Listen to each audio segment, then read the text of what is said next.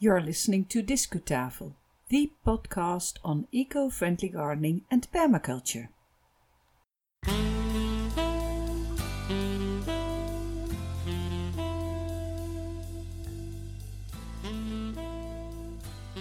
Hello, listener. Welcome to Discutafel podcast episode 79. This was released on June the 4th, 2020. My name is Yvonne Smith, and I'm delighted to be your editor and host. Listen to part 4 of our short series of uh, Discu specials on Dutch wetlands and water.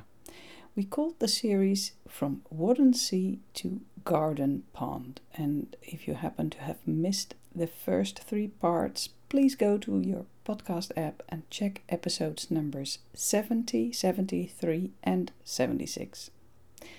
Today we probably publish the last part in the series. In part 3, we made an appointment to all visit a nearby pond or other still water to investigate life in and on the water. This small excursion is not only enjoyable, it can also help us to imitate nature in our own eco friendly gardens and invite creatures to the gardens. So it works best if the water is shallow, not too deep, and if you suspect there's a lot of wildlife there. And if you take the kids, please see to it that it's a safe place. This week I visited a nearby city park, which used to be a rather wet area, but how's the situation nowadays in spring 2020? Watch some pictures in the show notes of this episode on discutafel.nl and listen to the Discu special. So, imagine it's a windy and warm spring day. Let's go.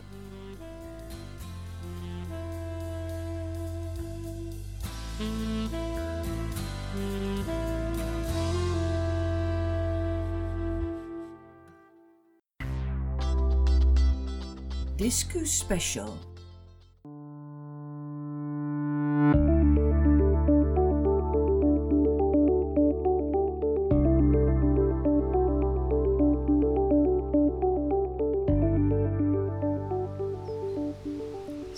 this is the sound of a windy and sunny spring morning in the Wester Park.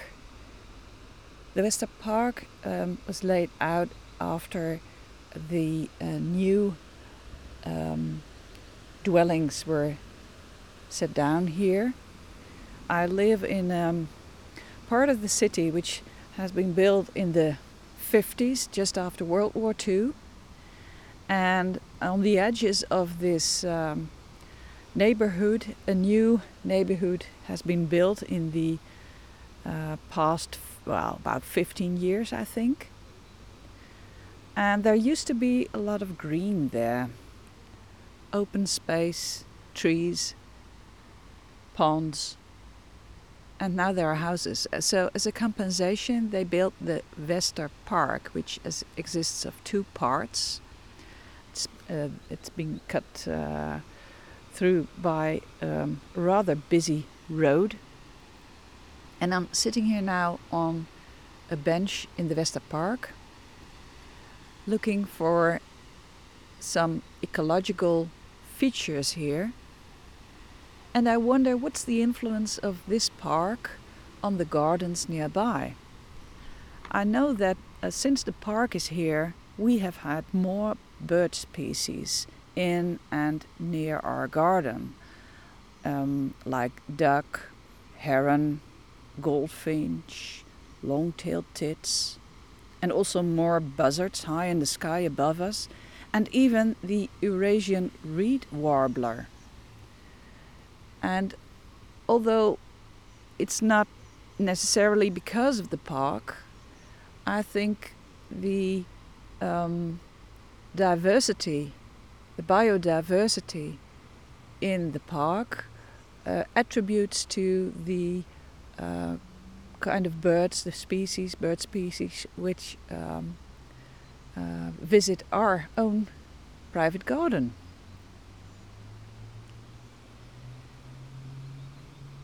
When I sit on this bench and look um, down, I see lots of feathers here, as if a um, pigeon has been killed here or nearby and been eaten here. So that's a trace of something natural going on, I suppose.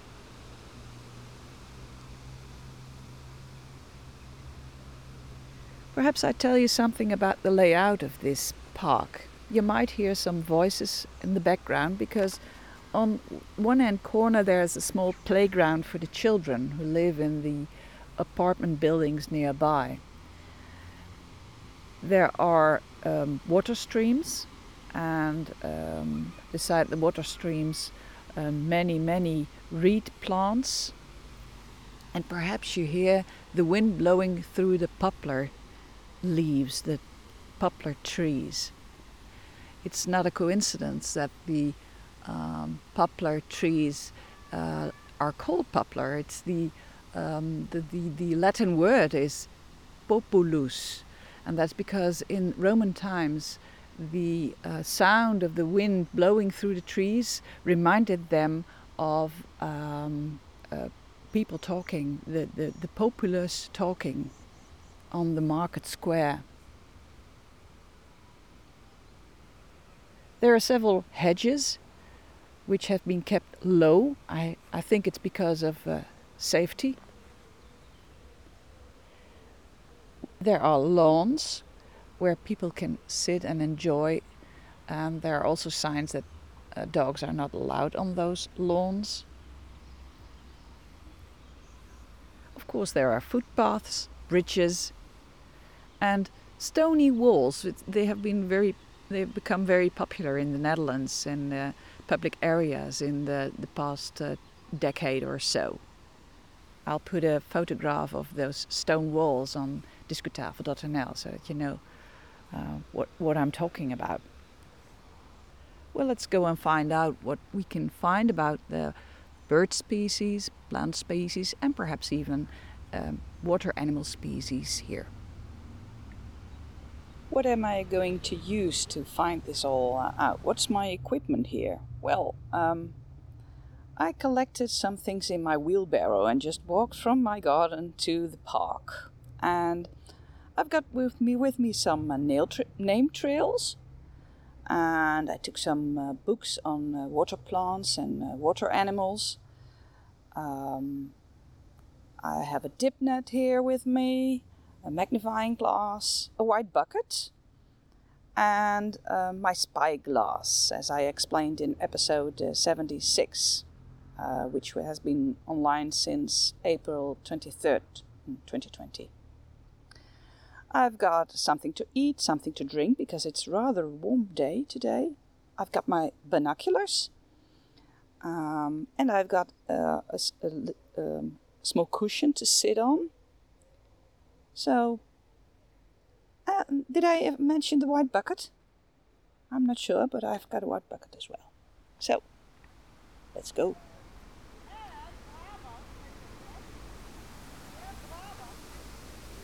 Near the children's playground, I see some typical trees for wet habitats, like the willow and the alder, the wilg and els in Dutch.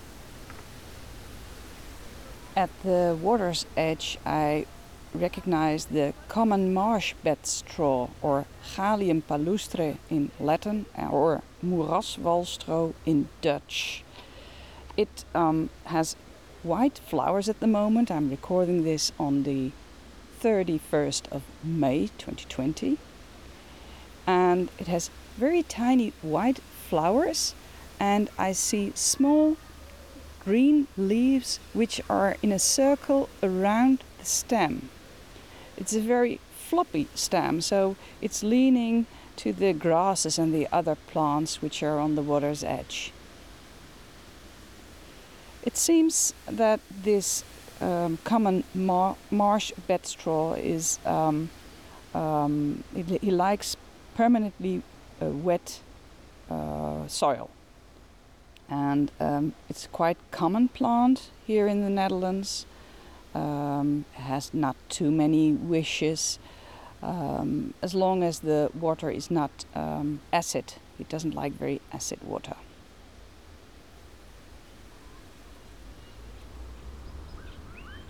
Yes, now I'm sure the Eurasian reed warbler lives here in the Westerpark.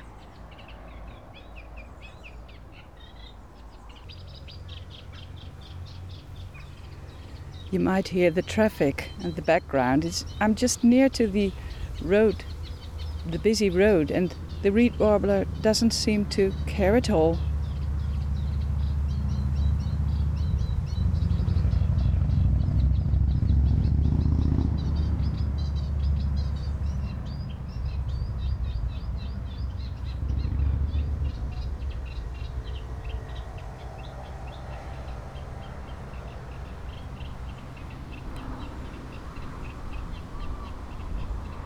One of the more common water birds, birds you certainly know is the koet or meerkoet in Dutch.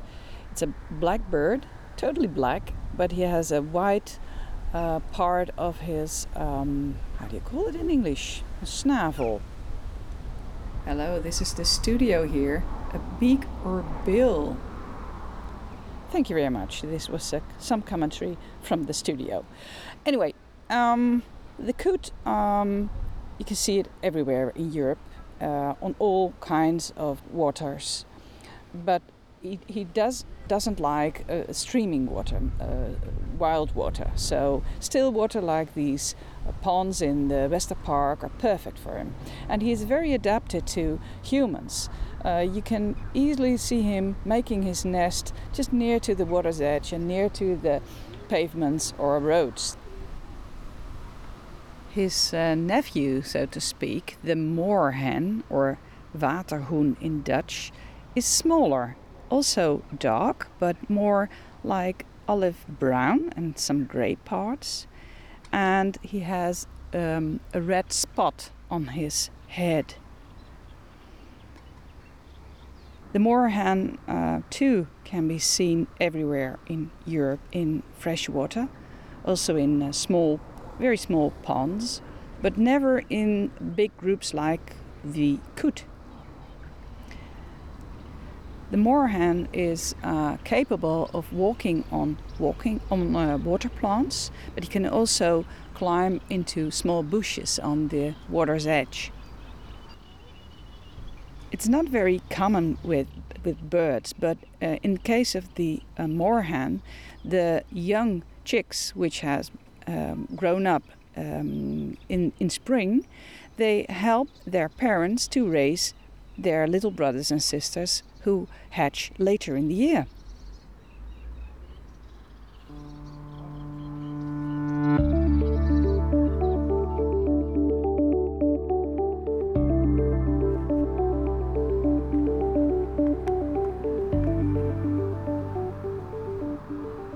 In search for some water creatures who live in the water, I went to a special place here. The local government they provided the disabled people who are uh, dependent depending on their wheelchairs. They provided them with a special place here near the water, a platform where they can go fishing or uh, enjoying uh, the water life. Um, it's very quiet here at the moment. There's no one to be seen, but uh, it seems to be a, be a very popular place with the geese because there's a lot of geese shit here. Anyway, when I look into the water, um, I see water lilies and some other water plants, but the water itself seems to be very um, dull, really. It's it's shallow water. Because, uh, I suppose it's um, rather warm at the moment because it's the beginning of the summer, and it has been warm the past couple of weeks. So perhaps the creatures have moved to another uh, pond here in the uh, another stream here in the Westerpark. But um, I used my white bucket, I used my dip net, but um, nothing interesting at all.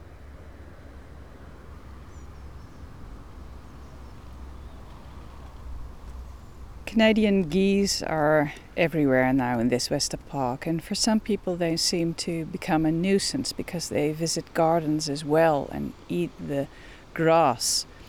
Uh, many of these uh, geese are individually known by the government. They have neck collars and uh, with numbers, so they can uh, trace them. And um, um, oh dear, there's a, a wild goose now.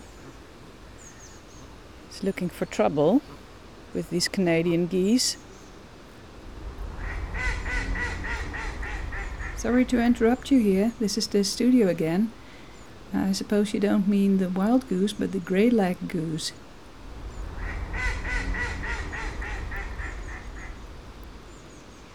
Anyway, those green neck collars are not very pretty, but this is a way for the government to um, manage the amount of geese and know where they are.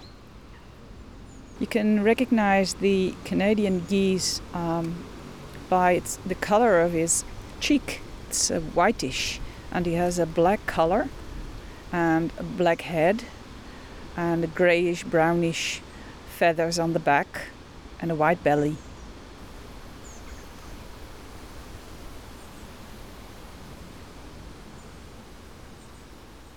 So I've reached uh, another shore here of one of the ponds here in the park and see what um, we can make of it, of the water creatures in the water. I'll take my bucket and my dip net. Be careful. Take out some water.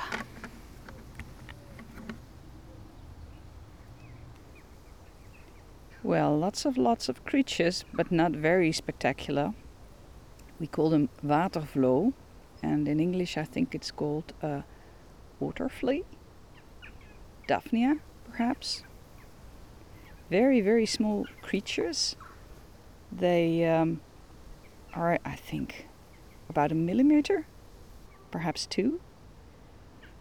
And they're swimming very fast in the water. And they're very, very common here in the Netherlands and I suppose in your country as well they feed on um, uh, uh, parts of plants uh, like algae. When the female uh, has eggs, they the eggs overwinter in the water, and then in springtime you see the the um, Daphnias again. Nice. They are living creatures, but not too spectacular.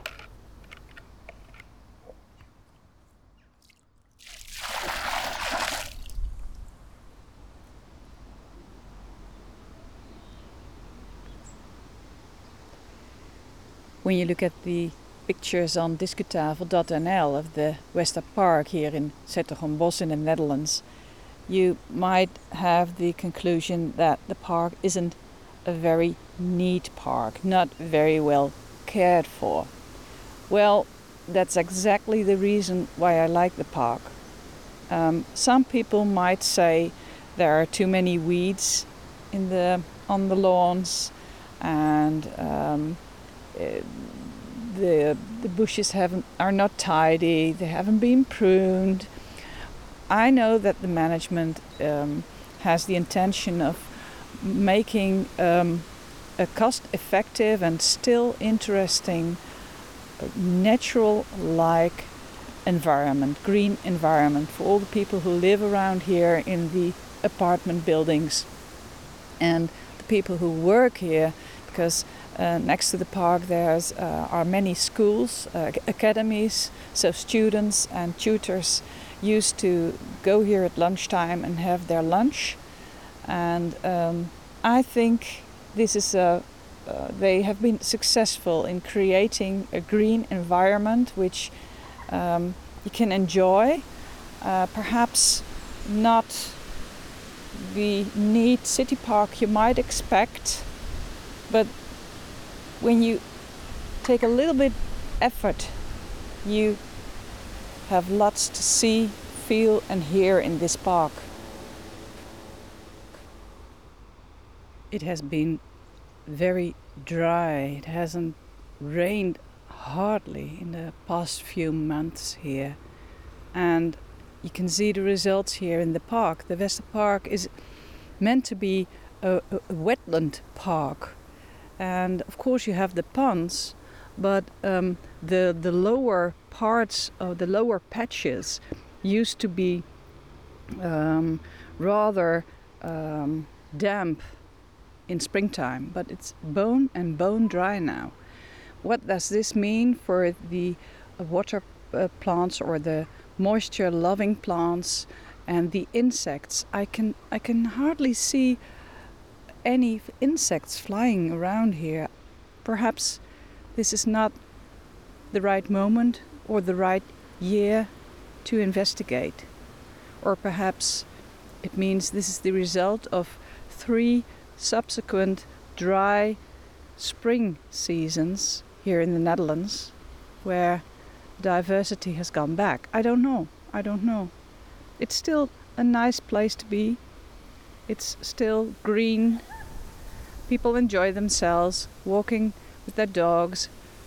It's okay, but I know a couple of years ago when I came here, there was more water life to see, more, more life which is used to water. It's not a very happy conclusion of this expedition, I think. Let's hope for better times.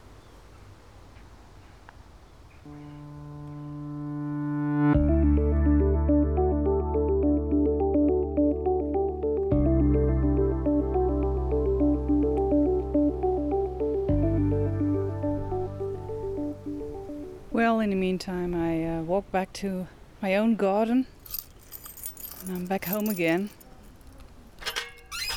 And it seems a good idea to me to try my own pond again. Perhaps I'll have some more results here.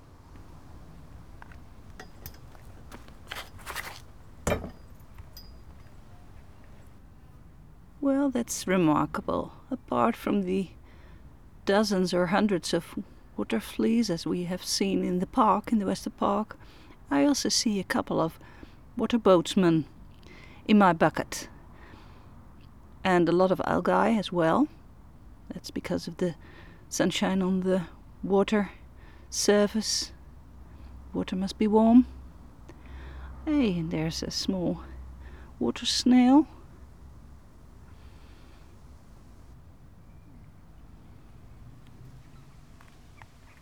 Let me see if I take away the algae. Hey, hey, that's a, a larvae of a.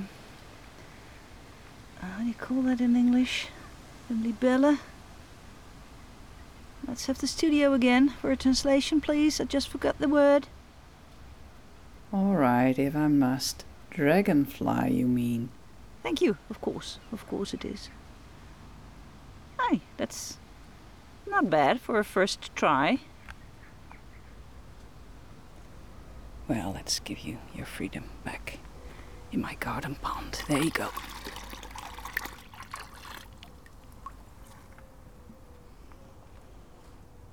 Just, well, maybe a quarter of an hour later than making my recordings in recordings in the West Park, and so the time is the same time of the day.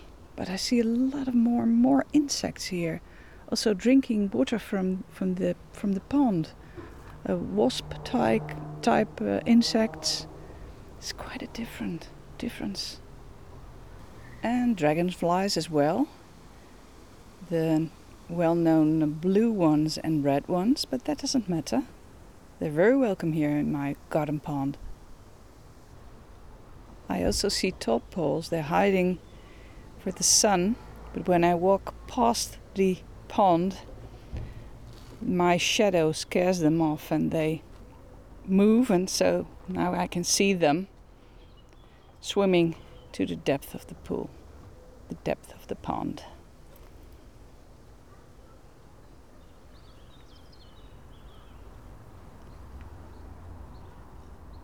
And I just thought I had made my last recordings on this water pond exp- excursion in my own garden when I saw this big dragonfly coming towards me. Um, it's it's a libelle in Dutch. Um, in fact, all the dragonflies are dragonflies, but in Dutch we say waterjuffers and libelle, and the waterjuffers are the small ones, the tiny ones, and the libelle are the big ones. And this is a very big one, a fat one with blue uh, um, belly, and it's flying like a helicopter, really, and trying to find uh, some prey. It's um, it's his habit to find uh, uh, uh, the same place somewhere on a on a on a branch of a, a water plant, for instance, and look for prey, and come back there again and again. And he's on one of the uh, twigs now that I've laid in in the pond. Uh, we always lay sticks or twigs on the surface of the pond each year, each spring. Uh, firstly, to keep the ducks away, the ducks which come from the Westerpark to our garden to find a private spot, but we don't want them in the in, the, in our pond. And secondly, it's very useful for the birds to have a drink or have a bath on, on a, in a safe way. When they go and sit on these br- branches, on these twigs, in the middle of the pond, they're safe for our cats. Our cats cannot reach them. So every day we see blackbirds and starlings and even goldfinches having a bath, having a drink in the middle of our garden pond. Well, now I will conclude this um, excursion, and I hope you have enjoyed the background noises of 's-Hertogenbosch and the Wester Park and my own garden. And I hope you have a nice excursion as well in my experience, when you give yourself a task and go and find interesting birds, plants, trees, when you concentrate on that task, you will always have an interesting journey. And I wish you good luck on your water experience as well.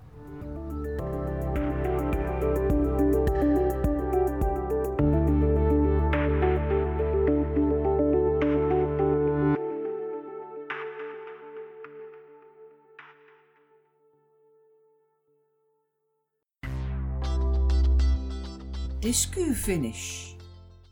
We're back in the Discutafel studio again, and you have been listening to part four of our Discu special series on wetlands and water. I hope we've inspired you to explore your pond and waterways in your town or village. What have I learned and noticed on my small excursion? What are my thoughts on wetlands and gardens? Well, I know some animals like water because they can uh, find food there, shelter, a nesting site like the coot, the moorhen, the dragonfly. And some plants feel at home on the banks with their feet in damp soil like willow and common marsh bedstraw. I was very, very lucky to find out that the nearby water in the Wester Park means the Eurasian reed warbler drops by now and then from the Wester Park to my own garden. City park management can make a difference. On the other hand, Wester Park used to be rather damp, but it's very, very dry now. Is this because of climate change? I'm not sure. And of course, I was satisfied when I discovered that more creatures were in my own garden pond and around my own garden pond on the same afternoon than in the Westerpark. I was a little bit proud, to be honest. Is making a wetland garden a good idea in your case? Well, I'm convinced it's a good idea to adapt to your local situation whenever possible. Perhaps Look to your own soil and natural green spaces nearby when designing your own garden. but I do think there's always room for a small pond. At the moment, I'm working on Dutch episodes, and when will the next English episode be online? Well, to be honest, I'm not sure. We might take a summer break. As long as you have a free subscription, you're sure the following episodes will be on your smartphone as soon as they are released. And in the meantime, let's go outside. And until next time.